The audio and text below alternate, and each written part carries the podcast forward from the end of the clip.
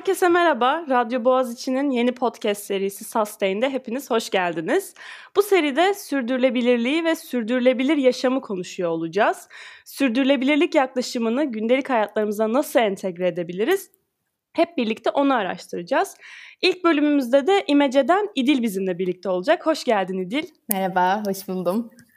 Ee, bu bölümde İdil'le birlikte sürdürülebilirlik nedir?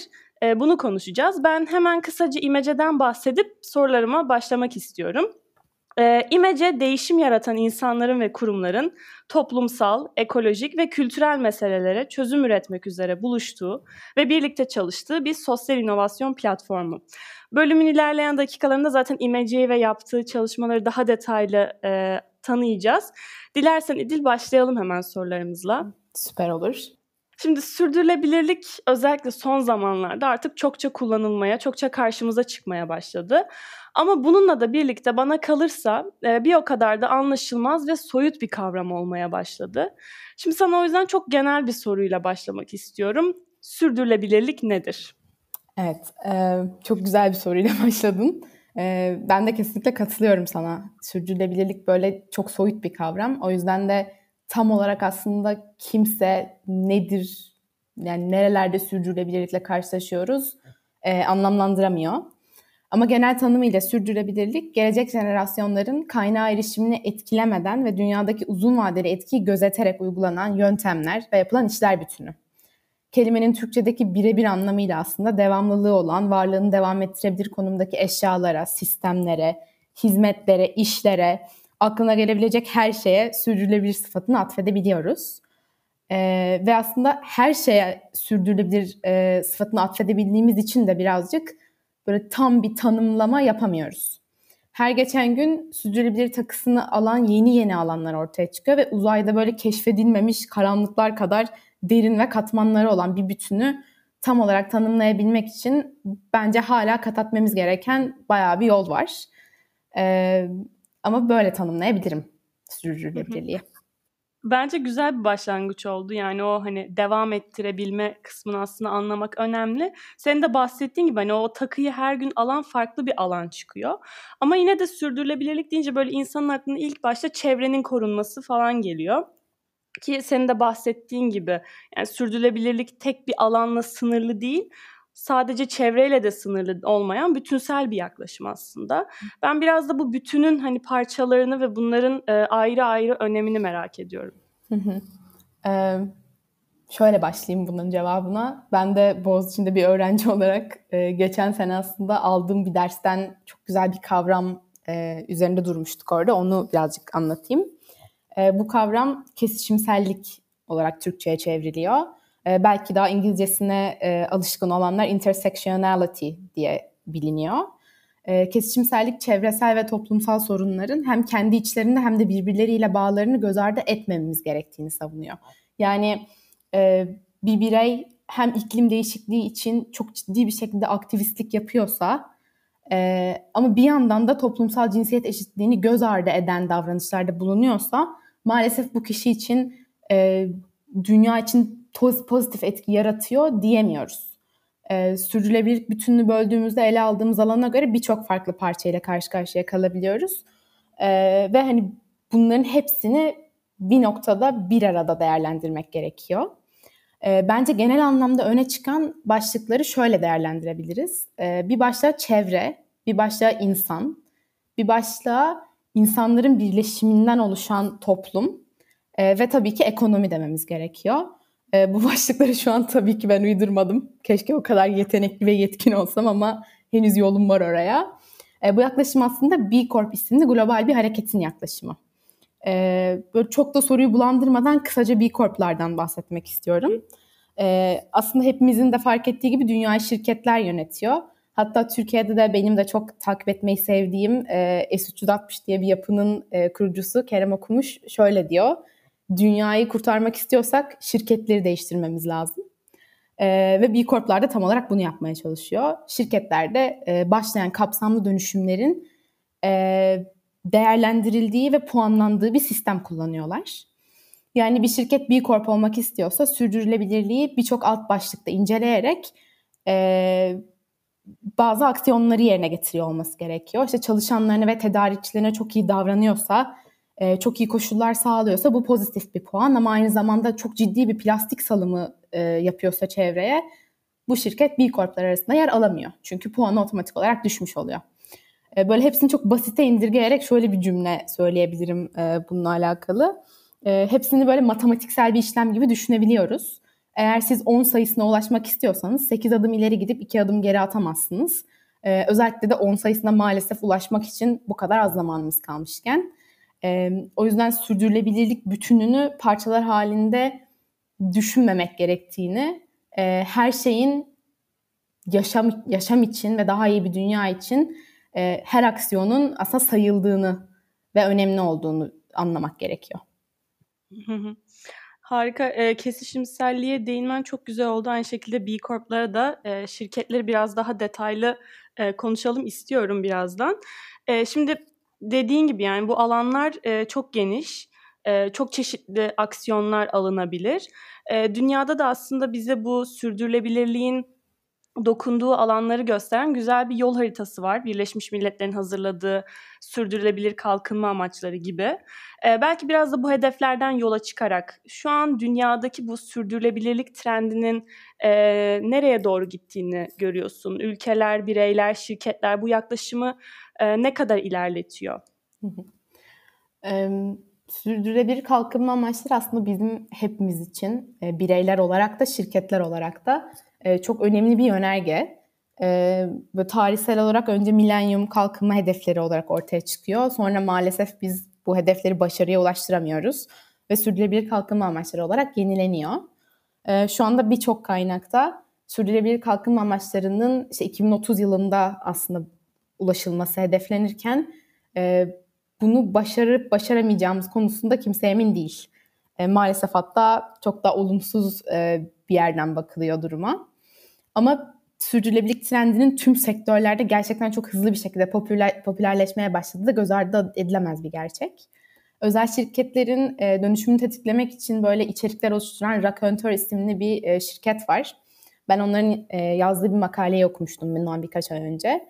E, orada bir araştırma yapılıyor ve araştırmaya göre yöneticilerin %62'si günümüzde rekabetçi olabilmek için yani rakip firmalarla e, karşı karşıya gelebilmek ve onları geçebilmek için sürdürülebilirlik stratejilerinin olması gerektiğini ve bu stratejileri uyguluyor olmaları gerektiğini düşünüyor. Yani artık bunu fark etmiş ve bunun önemli olduğunu kabullenmiş e, şirket liderleri %62'lik bir kesim.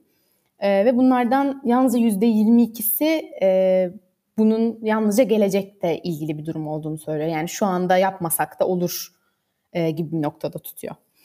E, yani şirketler de, devletler de, ülkeler de bu trendin farkında. Bu trendin farkında oldukları için de önümüzdeki 5-10 yıl içerisinde varlıklarını devam ettirebilmeleri e, için aksiyon almaları gerektiğini düşünüyorlar. E, yine burada başka bir araştırmaya değineceğim. Yine aynı şekilde Raconteur'un bir araştırması. Çok güzel araştırmaları var. Eğer ilgisi çeken olursa okuyabilir. E, onlar da şunu söylüyorlar farklı bir araştırmada. E, tüketiciler yani bizler artık satın alımlarımızı yaparken üretici şirketin sürdürülebilirlik odağında aldığı önlemleri ve çevreye ve topluma olan pozitif etkisini gözetiyoruz.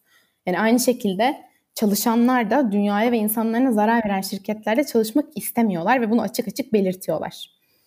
E, yani böyle çok genel bir şekilde yine özetlersem e, bence dünyadaki karar verici mekanizmalar e, henüz problemi ve dolayısıyla çözümü tam olarak içselleştirebilmiş değil. Evet adımlar atılıyor ama bunu böyle birazcık daha insanlar bunu istiyor, biz de bunu vermeliyiz gibi bir noktada tutuyorlar. E, tam olarak şirket amacı olarak konumlandırmaktansa. E, ama işte bir yandan da e, eğer bu değişime ayak uyduramazlarsa, bu değişime ayak uyduracak yeni fikirlerle e, ortaya çıkmazlarsa tarihin sayfalarına gömüleceklerinin de fazlasıyla farkındalar. Hı hı. Aynen dediğin gibi yani biraz daha şu an bu e, artan bilincin arkasında hani piyasanın, toplumun istekleri şekillendirici oluyor ama dediğin gibi de yine de hani e, güzel adımlar atılıyor. Peki ben şimdi biraz da Türkiye'ye bakmak istiyorum. Çünkü Türkiye'de bu sürdürülebilirlik ve e, onunla birlikte gelen işte sosyal etki alanı bu sektör çok daha yeni yeni gelişiyor. E, Türkiye'de böyle senin e, önemli gördüğün ne çalışmalar yapılıyor? Burada durum nedir? E, ne kadar anlaşılmaya başladı bu sürdürülebilirlik kavramının aciliyeti? Hı hı. Şimdi birazcık daha ben böyle çok uzun zamandır aslında hani ilk iş deneyimim ve e, hani yaklaşık iki, iki buçuk senelik bir zamandır İmece'de olduğum için çok fazla şirketi görme fırsatım oluyor. E, ve benim durduğum yerde e, tabii ki böyle sürdürülebilir, sürdürülebilirliğe ilgisi olan şirketlerle hep bir araya geldiğimiz için böyle daha pozitif ve pembe bir dünya görüyorum diyebilirim. Ee, ama tabii genele vurulduğu zaman senin de dediğin gibi çok yeni bir kavram sürdürülebilirlik. Yani hala böyle sürdürülebilirliğin iklimle, toplumsal cinsiyetle ilişkisini çözememiş çok fazla yapı var. Ee, yine e, S360'ın bir tane raporu var bununla alakalı. Türkiye'de iş dünyasının sürdürülebilirlik gündemi isimli. Tam aslında bu senin sorduğun soruya bu raporu böyle link olarak atmak istedim. ee, oldukça da güncel bir rapor, yeni yayınladılar. Ee, bu rapor ülkemizdeki sürdürülebilirlik algısını şirketler bazında ve sayılar üzerinden inceliyor. Ee, bu yüzden de anlaşılması oldukça rahat, e, direkt verileri görebildiğimiz için. Ee, şimdi bu rapora göre Türkiye'nin sürdürülebilirlik gündeminde yani en önemli sürdürülebilirlik maddeleri arasında başı finansal performans, ARGE ve dijital dönüşüm gibi konular çekiyor. Ee, işte iklim değişikliği, toplumsal cinsiyet, biyoçeşitlilik yani türlerin yok olması, dünyadaki yaşamın kayboluyor olması gibi konular oldukça geride kalıyor. Hatta düşük öncelikli konular arasında yer alıyor. E, ve bir durum hem lider şirketler hem de bu şirketlerin paydaşları için de geçerli. Yani sadece lider şirketler için değil, lider şirketlerle beraber çalışan tüm paydaşlar için geçerli bir durum ve bence çok üzücü. E, yine aynı rapora göre ilginç bir şekilde farklı şirketlerin ve paydaşların sürdürülebilirlik raporlarında seneler boyunca sürekli olarak tekrar eden ana konular iklim değişikliği, fırsat eşitliği ve çeşitlilik. Yani bir noktada hem bu konuları düşük öncelikli olarak belirliyorlar hem de sürekli olarak bunlar hakkında konuşma ve bunlar hakkında yeni aksiyonlar e, ortaya çıkartma zorunda olduklarını hissediyorlar. E, bu da şu anlama geliyor. Türkiye'deki şirketler iklim krizinin, cinsiyet eşitsizliğinin, fırsat eşitsizliğinin farkındalar. Ama her ne kadar bunların farkında olsalar da henüz bu konularda öncelikli olarak aktif adım atmıyorlar. Ee, şirketlerdeki durum maalesef ki böyle. Ama bununla beraber Türkiye'de ciddi bir sayıda sosyal girişim mevcut. Ee, ve bu sosyal girişimleri desteklemek ve bu kanıtlanmış çözümlerin hayata geçmesini sağlayabilmek için de birçok kurum e, canını dişine takarak çaba sarf ediyor gerçekten de. E, hatta yine ilgisi olanlar için bu kurumların büyük bir kısmını e, İMC 2018 yılında Ashoka partnerliğinde, Ashoka ile birlikte e, bir sosyal inovasyon ekosistem haritası üzerinde böyle haritalandırdı. E, ve içine girdiğinizde böyle hiç tahmin edemeyeceğiniz kurumların e, ne kadar birbiriyle bağlı bir şekilde e, daha iyi bir dünya için çalıştığını görebiliyorsunuz. E, yani ortak bir çaba var ama henüz olması gerektiği hızda değil. Ee, ama benim gibi böyle daha genç insanların bu kurumlarda çalışabilme fırsatları yakalıyor olması da bence çok ümit verici. Çünkü e, çok yakın bir süre sonra artık devir teslim töreniyle biz devralıyor olacağız bu dünyayı. E, biz de ne kadar erken bir şeyler öğrenebilirsek o kadar iyi. Hı hı. Çok haklısın. E, bu ortak çaba dedin yani Türkiye'deki o e, ekosisteme baktığımız zaman, Türkiye ve sürdürülebilirliği düşündüğümüz zaman e, akla gelen ilk isimlerden biri de İmece aslında. E, biraz hani bölümün başında küçük bir tanıtımı e, konuştuk ama e, burada belki İmece'yi biraz daha detaylı olarak konuşabiliriz. E, siz İmece'de e, nasıl çalışmalar yapıyorsunuz? Bu sürdürülebilirlikle birlikte gelen, gelecek olan değişime nasıl katkıda bulunuyorsunuz? Ee, böyle İdil sen ne yapıyorsun denildiğinde İmece'de çalışıyorum. İmece bir sosyal inovasyon platformu demek çoğu zaman kimseye e, böyle bir geçmiyor yani karşıya onu şeyi görüyorum. böyle insanlar bir boş bir bakış atıyor bana. İyi, iyidir umarım falan tarzı. Ee, özellikle böyle büyük aile bireylerimle, dedemlerle konuşurken e, iyi, olur zaten üniversitedesin daha falan tarzı e, bir yaklaşım sergiliyorlar. E, o yüzden böyle biz imeceyi anlatırken böyle büyük büyük uzun uzun cümlelerle yaptığımız her şeyi olabildiğince açık net bir şekilde söylemeye çalışıyoruz. Ben de şimdi öyle yapmaya çalışacağım. E, imece olarak gençlerin ve girişimcilerin fayda odaklı dönüşüm yolculuklarında kapasitelerini geliştiriyor. Oluşturduğumuz içerik ve komüniteler üzerinden sistemsel dönüşüm tetikliyoruz biz. E, bunun için farklı programlar altında e, ve böyle daha kısa vadeli farklı etkinlikler altında çalışmaya çalış çalışmaya çalışıyoruz. E, sosyal girişimciler için bir impact programı programımız var. Image Impact isimli. E, gençler için ise Image Lab gençlik programlarımız var. E, bu hem Impact programının hem Image Lab'ın kendi altında farklı farklı aslında sunduğu e, hizmetler, etkinlikler, buluşmalar e, ve yine alt programlar var. E, dediğim gibi de bu programlar haricinde daha kısa vadeli etkinlik ve organizasyonlar üzerinden ekosistemi destekleyerek sürdürülebilirlik odaklı değişimi hızlandırmaya çalışıyoruz. Yani en basit haliyle e, geleceğin liderleri olan biz gençlerin çoktandır farkında olduğumuz çevresel ve toplumsal problemleri çözümlemek için e, neler yapabileceğimizi İmece Lab'ın o aslında birazcık daha e, oturmuş yapısı altında keşfedebileceğimiz alanlar yaratıyoruz. E, aynı zamanda da bu problemlerin çözümü için zaten fikri olan ve aksiyona geçmiş olan e, sosyal girişimcilerin ihtiyaç duydukları kaynaklara erişimine destek oluyoruz. Böyle iki taraflı birbiriyle düzenli olarak paslaşan bir yapı gibi düşünebiliriz imeceyi. Ee, çok fazla genç var içeride. Gerçekten böyle her gün ben bir sürü genç insanın fikrini duyma e, fırsatı yakalıyorum. Ama bir yandan da çok fazla sosyal girişimci, baya böyle gelir modeli, iş fikri oturmuş sosyal girişimciyi de görebiliyoruz. Ee, ve ikisini de görmek işte az önce dediğim gibi bana bayağı ümit veriyor. Hı hı.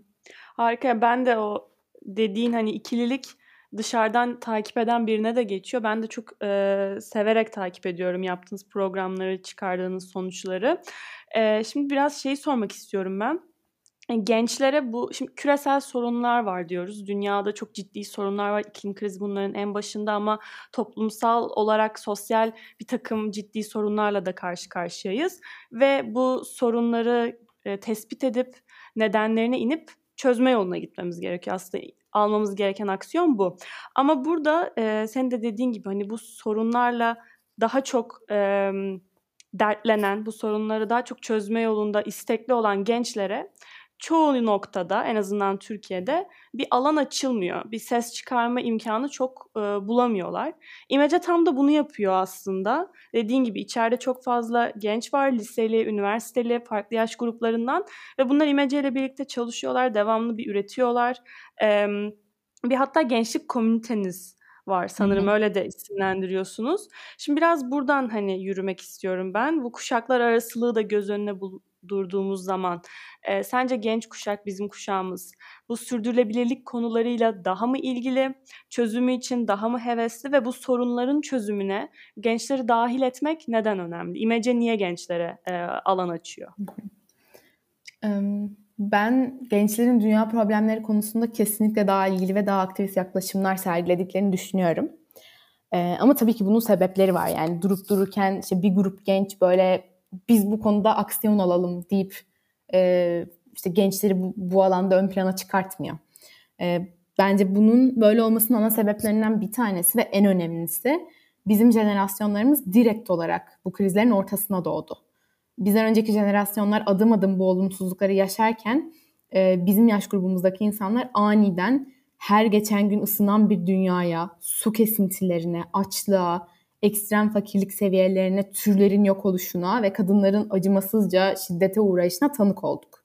Yani her gün dışarı adım attığımızda bu, bu olumsuzlukların hepsini gözlemleyebildiğimiz e, bir hayatımız oldu. Bizden önceki jenerasyonlar böyle neyse dünyanın sonuna daha binlerce yıl var e, gibi düşünebiliyorken biz açık açık o kadar da vaktimiz olmadığının farkındayız ve bunu görüyoruz. Bu sebeple de ister istemez bizim kuşağımızdaki insanlar dünya dertleri ve sorunun çözümüyle içli dışlı olmak zorunda kalıyor. Ee, ama maalesef ben henüz karar alıcı mekanizmaların bunu tam olarak fark edebilmiş olduğunu düşünmüyorum. Ee, geçtiğimiz aylarda hatta İmece'nin bir etkinliği olduğu İmece Summit isimli e, geleceğe etki zirvesi e, böyle temasıyla çıktı. E, ve oraya da gençliği temsilen e, konuşmacılar katıldı. Bir tanesi e, Deniz böyle çok güzel bir cümle söyledi. Ondan şu an bir alıntı yapacağım. tam böyle sorunun cevabı gibi geliyor bana. E, Deniz şöyle söyledi. Gençlik adlı bir balon var ve şirketler, kurumlar bu balon adı altında bize söz vermeden bizim hakkımızda araştırmalar yürütüyorlar, çalışmalar yapıyorlar. Bu çalışmalar yürütülürken, analizler yapılırken bize alan açılmıyor, dahiliyetimiz sağlanmıyor. Diğer nesillerden farklı düşünüyoruz ve dünyanın birçok yerindeki farklı gençlerle bir arada hareket ediyoruz. Bizim aktif konumlandırıldığımız alanlar tüm dünyaya erişmek ve dolayısıyla değişimi hızlandırmak demek. Burada Deniz'in dediği gibi gençler çok önemli, gençlerin sesini duyurmalıyız gibi cümleler kullanan, kuran birçok yapı aslında gençler için hareket ediyor. Gençlerle beraber hareket etmiyor. Ben de bir genç olarak bunu istemediğimizi gözlemliyorum ve de biliyorum yani kendim de biri benim için bir şey yaptığı zaman keşke beraber yapsaydık diye düşünüyorum. Ve Deniz'in kelimelerinin böyle cümlelerinin sonunda çok güzel bir kısım var. Orada şöyle diyor, bizim aktif konumlandırıldığımız alanlar tüm dünyaya erişmek ve dolayısıyla değişimi hızlandırmak demek. Yani gençlere dokunduğunuz zaman, gençleri çözümün bir parçası haline getirdiğiniz zaman e, en öncelikle elimizin altında çok ciddi bir internet gücü olduğu için bütün dünyaya aniden böyle elinizi şıklatarak ulaşmış oluyorsunuz. E, ve bence gençlerin işte bu süreçteki en büyük önemi de burada başlıyor. E, değişimi ellerinde tutuyorlar. Çok çok güzel özetledi. Yani keşke e, daha fazla e, kurum, karar verici mekanizmalardaki insanlar bu şeyi anlasa da e, biraz daha fazla yer açılsa. E, peki yani şimdi e, bu hani özellikle gençlerde böyle bir istek var işte sorunların çözümünü için harekete geçelim vesaire o motivasyon daha yüksek ama insanların geneline baktığımız zaman da çoğu insan krizlerle direkt birebir yüz yüze gelmedikçe harekete geçme eğiliminde değil. Ee, senelerdir böyle konuşulan belki Deniz'in dediği o balon gibi şişirilen başka bir konu da iklim krizi bana kalırsa. Özellikle bu son yıllarda artık e, birebir etkilerini hayatımızda görmeye başladıktan sonra sadece e, konuşmaya başladık. Oysa ki bu alarmlar çok önceden çalmaya başlamıştı. E, pandemi koşullarına girdiğimiz bu bir senelik zaman içerisinde de insanlar krizle ve oluşabilecek sorunlarla biraz daha yüz yüze geldiğinde e, bakış açıları bana değişmiş gibi geliyor. Bilmiyorum sen katılıyor musun? Pandemi sonrasında e, bireylerin, şirketlerin ve devletlerin, bu bütün aktörlerin sürdürülü, sürdürülebilirliğe e, bakış açılarında bir değişiklik olacak mı? E, olmalı mı? Şimdi pandemiden çıkışta e, çeşitli e, iyileşme paketlerinden vesaire bahsediliyor devletler çapında da. E, işte buralarda bu sürdürülebilirlik algısı nasıl değişecek? Şimdi bence öncelikle böyle şu ana kadar bahsetmiş olduğumuz çoğu yapı henüz tam olarak bu pandemiyle sürdürülebilirliğin arasındaki e, bağı fark etmiyor. Yani mesela işte finansal sürdürülebilirlik alanında evet yine daha bir bilinç var çünkü gerçekten şu an bir sürü şirket e, kapılarını açamıyor ve bu da finansal anlamda herkese zarar veriyor. E, ama bunun e, bence doğayla ve çevreyle olan bağını o kadar da fark edebilmiş miyiz? E, bu konuda benim çok tereddütüm var e, dünyadaki her pozitif, her negatif etkinin bir tepkisi oluyor. E, böyle fiziğin en basit kurallarından bir tanesi. E, ve çevremize verdiğimiz zararın bu pandemi aslında bize bir geri dönüşü. Daha sürdürülebilir bir dünya yaratabilmek için e, böyle kullanılan bir metodoloji var. Yine bir sürü metodolojiden bir tanesi. Adı sistem düşüncesi. E, sistem düşüncesine göre bildiğimiz, keşfedebildiğimiz uzayda var olan her şey birbiriyle ilintili ve bu yüzden de bütün aksiyonlarımızın bir karşılığı var. Ee, işte koronavirüsün de hayatımıza girişiyle beraber böyle çevresel sürdürülebilirlik noktasında önce herkes bayağı olumlu bir yanıt aldığımız düşündü. Hatta belki görmüşsünüzdür haberlerde çıktı. İşte Çin'de işte ozon tabakası kendini yenilemeye başladı. İşte dünya kurtuluyor mu falan gibi böyle haberler çıktı. İşte neden? Çünkü insanlar dışarı çıkamıyor.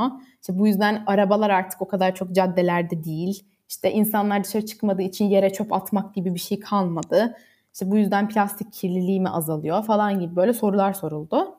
Ama kimse uzun vadede dünya ve içindeki insanların e, nasıl problemlerle karşı karşıya kalacağını gözlemleyemedi.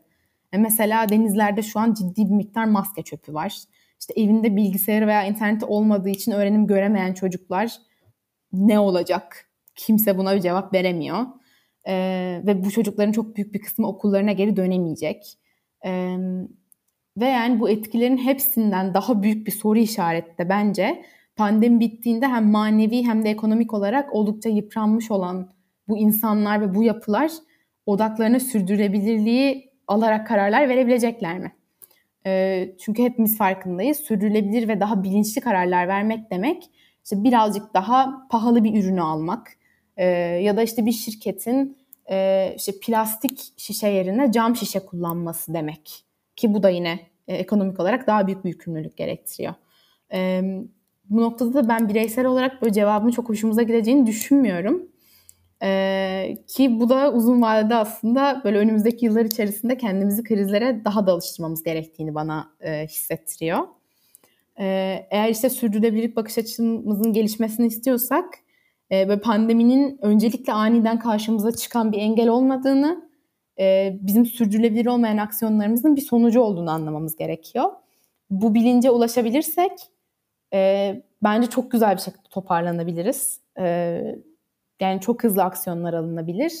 Ama işte öncelikle olayların böyle nedenine inmek gerekiyor. Çözümler, çözümlere Bu krizlere alışma önce. fikri bana çok korkutucu geliyor ama dediğin de doğru yani o e, yaptığımız aksiyonların sonuçlarını kabullenmezsek ve üstlenmezsek bu başımıza gelecek ne ilk kriz ne de e, son kriz olacak maalesef. E, Peki şimdi e, sürdürülebilirliğin ortaya çıkışından bahsettik. İşte dünyadaki, Türkiye'deki trend nereye gidiyor? Ee, senin de, de bahsettiğin o imecede biraz daha hani e, pembe bir noktada görüyorum dedin ya. Aslında bunlara baktığım zaman ben de biraz daha ümitleniyorum. Çünkü e, gerçekten artan bir bilinç var. Sırf bizim kuşağımızda da değil, dünyada genel olarak daha fazla şirket çabalıyor bu hedeflere ulaşmak için vesaire. Ama bir yandan da her sene Dünya Limit Aşımı Günü e, biraz daha erkene çekiliyor. Hatta yapılan e, son bir araştırma gösteriyor ki neredeyse iki dünya varmış gibi yaşıyoruz. Yani e, pek de geleceği düşünerek işte bu gelecek nesillerin kaynaklarına dokunmadan kendi kaynaklarımızda yaşayalım mantalitesinde değiliz hala. Ee, ben şunu merak ediyorum. Bugün gelinen son durum nedir? Yani bu artan bilinç ve çaba bizi gerçekten kurtarabilecek mi? Bir çözüm olabilecek mi? Yoksa çoktan geç mi kaldık? Şu an böyle podcast'te ümit yok çok geç kaldık falan diye. Son soru olur. Sen bayağı ilginç olur sanırım. evet. Ee, ama bence böyle bir durum yok yani dünyanın böyle beni en çok heyecanlandıran ve bence en güzel özelliklerinden bir tanesi sürekli olarak kendini bir yenileyebilme gücü olması. Nasıl işte bizim böyle bacağımız kırılınca, bir yerimiz kesilince bir şekilde vücudumuz onu yeniliyor.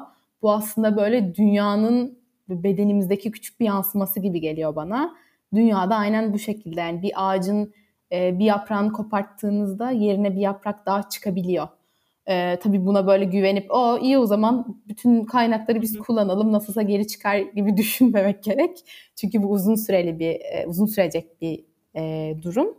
Yani hemen böyle şıp diye bütün her şey birden çok güzel olmayacak elbette.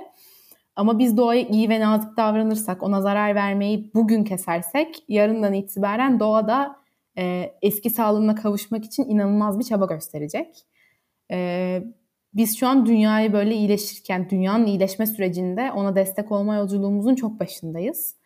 Ee, ama her gün bunu sağlamak için çalışan insanların sayısı artıyor. Ee, bu bence çok umut, ümit verici. Ee, işte artan bilinç ve bu çabayla birlikte kesinlikle bir çözüm olabilecek bir gün. Ee, ama bu çabamızın sonuçlarını görmek istiyorsak gerçekten boş harcayacak vaktimiz yok. Hala ee, aslında şansımız olduğunu duymak, bilmek biraz ümitlendirici ama senin de dediğin gibi yani herkesin artık bu e, dünyadaki bütün aktörlerin bir adım atması gerekiyor. Biraz da bu adımlarla ilgili aslında şu e, konuşmak istiyorum. Şimdi hedefler çok büyük, sorunlar çok büyük ve genel. E, dolayısıyla da insanlarda böyle ister istemez artık ben ne yapabilirim ki düşüncesi e, hakim olmaya başlıyor ve sırf bu yüzden adım atmayan, alışkanlıklarını değiştirmeyen sırf ben çevremde birçok insan tanıyorum. Aslında bizim bu seride de yapmak istediğimiz ana şey bu. Yani bu çaresizliği atabilmek ve biz sürdürülebilirliği kendi hayatıma nasıl entegre edebilirim? Nasıl adımlar atabilirim? Bunu e, araştırmak biraz da. Ben de sana sormak istiyorum. Bu da son sorum olacak. Ee, bireyler sence ne yapabilir bu yaklaşımı benimsemek için? Gündelik hayatımızda nasıl entegre edebiliriz bu e, tanımlamakta çok zorlandığımız sürdürülebilirliği ve tek başımıza gerçekten bir şeyler değiştirebilir miyiz? Ee, gelmeden önce Google'da şey arattım. Dünyada kaç kişi yaşıyor diye bir soru sordum böyle. Ee, ve şu an e, dünyada yaklaşık 8 milyar insan yaşıyor. Yani tek başına olduğunu düşünen herkes yerden bir adet çöp kaldırınca 8 milyar parça çöp toplanmış oluyor. Veya herkes işte günde 1 litre suyu israf olmaktan kurtarınca 3200 adet olimpik havuzu dolduracak e, miktarda su kurtarılmış oluyor. Bunu da tabii ki Google'ladım. E, yani e, tek başımıza aslında elimizde çok büyük bir güç var. E, ve işte yine en başlarda da söylediğimiz gibi böyle her gün yeni bir alanda bir sürdürülebilirlik e, kavramıyla karşılaşıyoruz. Şu anda sürdürülebilir giyimden sürdürülebilir gıdaya ve hatta sürdürülebilir bilgisayar fontlarına kadar e, çok ciddi bir çaba var. Yani ben Google'a yazdığınızda işte en sürdürülebilir bilgisayar fontları dediğinizde karşınıza böyle bir sürü seçenek çıkıyor. Yani böyle bir noktaya gelebildik. Ee, işte küçüklüğümüzden beri bize hep böyle ışığı kapat, yere çöp atma, çöplerini ayrıştır gibi uyarılarda bulunuyorlar. Ama bunun ötesinde yapabileceğimiz şeyler de var. Ee, ben de böyle bu birkaç şeyi tek bir şemsiye altında topladım kendimce. Ve böyle tüm tüketicilere ki tüm tüketiciler demek yani gerçekten dünyadaki insanların neredeyse hepsi demek. Hepimiz bir şekilde bir şeyleri tüketiyoruz. Ee, işte tüm tüketicileri, tüketicilere kendi taleplerini değiştirerek tüm ekonomik düzenleri de değiştirebilecek güçlükte olduklarını hatırlatmak istiyorum. Ee, biz tüketiciler olarak e, çevreye ve topluma zarar veren ürün, hizmet, servisleri kullanmayı reddedersek üretici yapılar da daha sürdürülebilir yöntemler keşfetmek için uğraşmak zorunda kalacaklar. Bu onların zorunda kalacağı bir şey. Çünkü e, eğer bizler bu satın alımlarımızı yapmazsak o zaman zaten e, üretecek bir ürünleri yani üretmek üretmeleri gerekecek bir ürün de olmayacak. Sürdürülebilir olana otomatik olarak yönelmek durumunda kalacaklar. Ee, burada da herkese şunu önerebilirim. Gerçekten internet çok büyük bir güç. Ee, ürünlerinden böyle faydalanmak istediğiniz bir şirketin mali tablosundan çalışanlarına sağladıklarına, işte oryantasyon paketlerine, ürünlerinde kullandığı ham maddeden çevresel etkisine kadar bütün detayları birkaç saat içerisinde keşfedebiliyorsunuz. Ve ben bunu böyle hobi olarak yapıyorum gerçekten. Ee, kesin ya bu şey yani yalan bilgi değil, gerçek bilgi. Ee, ve hatta B Corp gibi işte başka GOTS gibi e, birçok sertifikasyon ve hareket var. İnternetten bunları da bulmanız mümkün ve bu hareketler, bu sertifikasyonlar zaten e, fazlasıyla içerik ve fazlasıyla işte bu e, kurallara uyan şirketleri paylaşıyorlar. Aslında sadece bizim birazcık daha ilgi duymamız, işte dışarı çıkıp kendime sabun almadan önce internette 5 dakika işte e, The Body Shop yazıp aratmam gerekiyor. E, aslında bütün bu değişim bilinçli tercihler yapmaktan ve bol bol Google kullanmaktan geçiyor. Aa, çok güzel cevapladın. Gerçekten böyle tekrar ümit doldum açıkçası. Yani yeter ki biz harekete geçmek isteyelim. Ee, dediğin gibi hepimiz birer birer çok büyük bir gücü temsil ediyoruz aslında. Ee, burada ben sorularımın sonuna geldim. Sana çok teşekkür ediyorum. Bence e, çok güzel bir e, genel çerçeve çizdik sürdürülebilirlik e, üzerine. Senin eklemek istediğin bir şey var mı son olarak? Ee, yok gibi. Ee, burada böyle birkaç tane aslında link ve e, işte rapordan, e, sertifikasyondan bahsettik. E, onlar için hani böyle belki e, birkaç tane linki bırakabileceğimiz bir yer olur. Aynen. Bu şeyin altına e, açıklamalar kısmına e, bırakırız. Süper. O linkleri senden alırız. O zaman ben onları tamam. iletirim. Teşekkür ederim beni aradığın Ben için. teşekkür ediyorum. Gerçekten çok güzel bir sohbet oldu. Çok teşekkürler. Ee, serimizin diğer bölümlerinde mutlaka e, izleyin. E, dinleyin pardon izlemeyin. E, o zaman görüşürüz. Görüşürüz.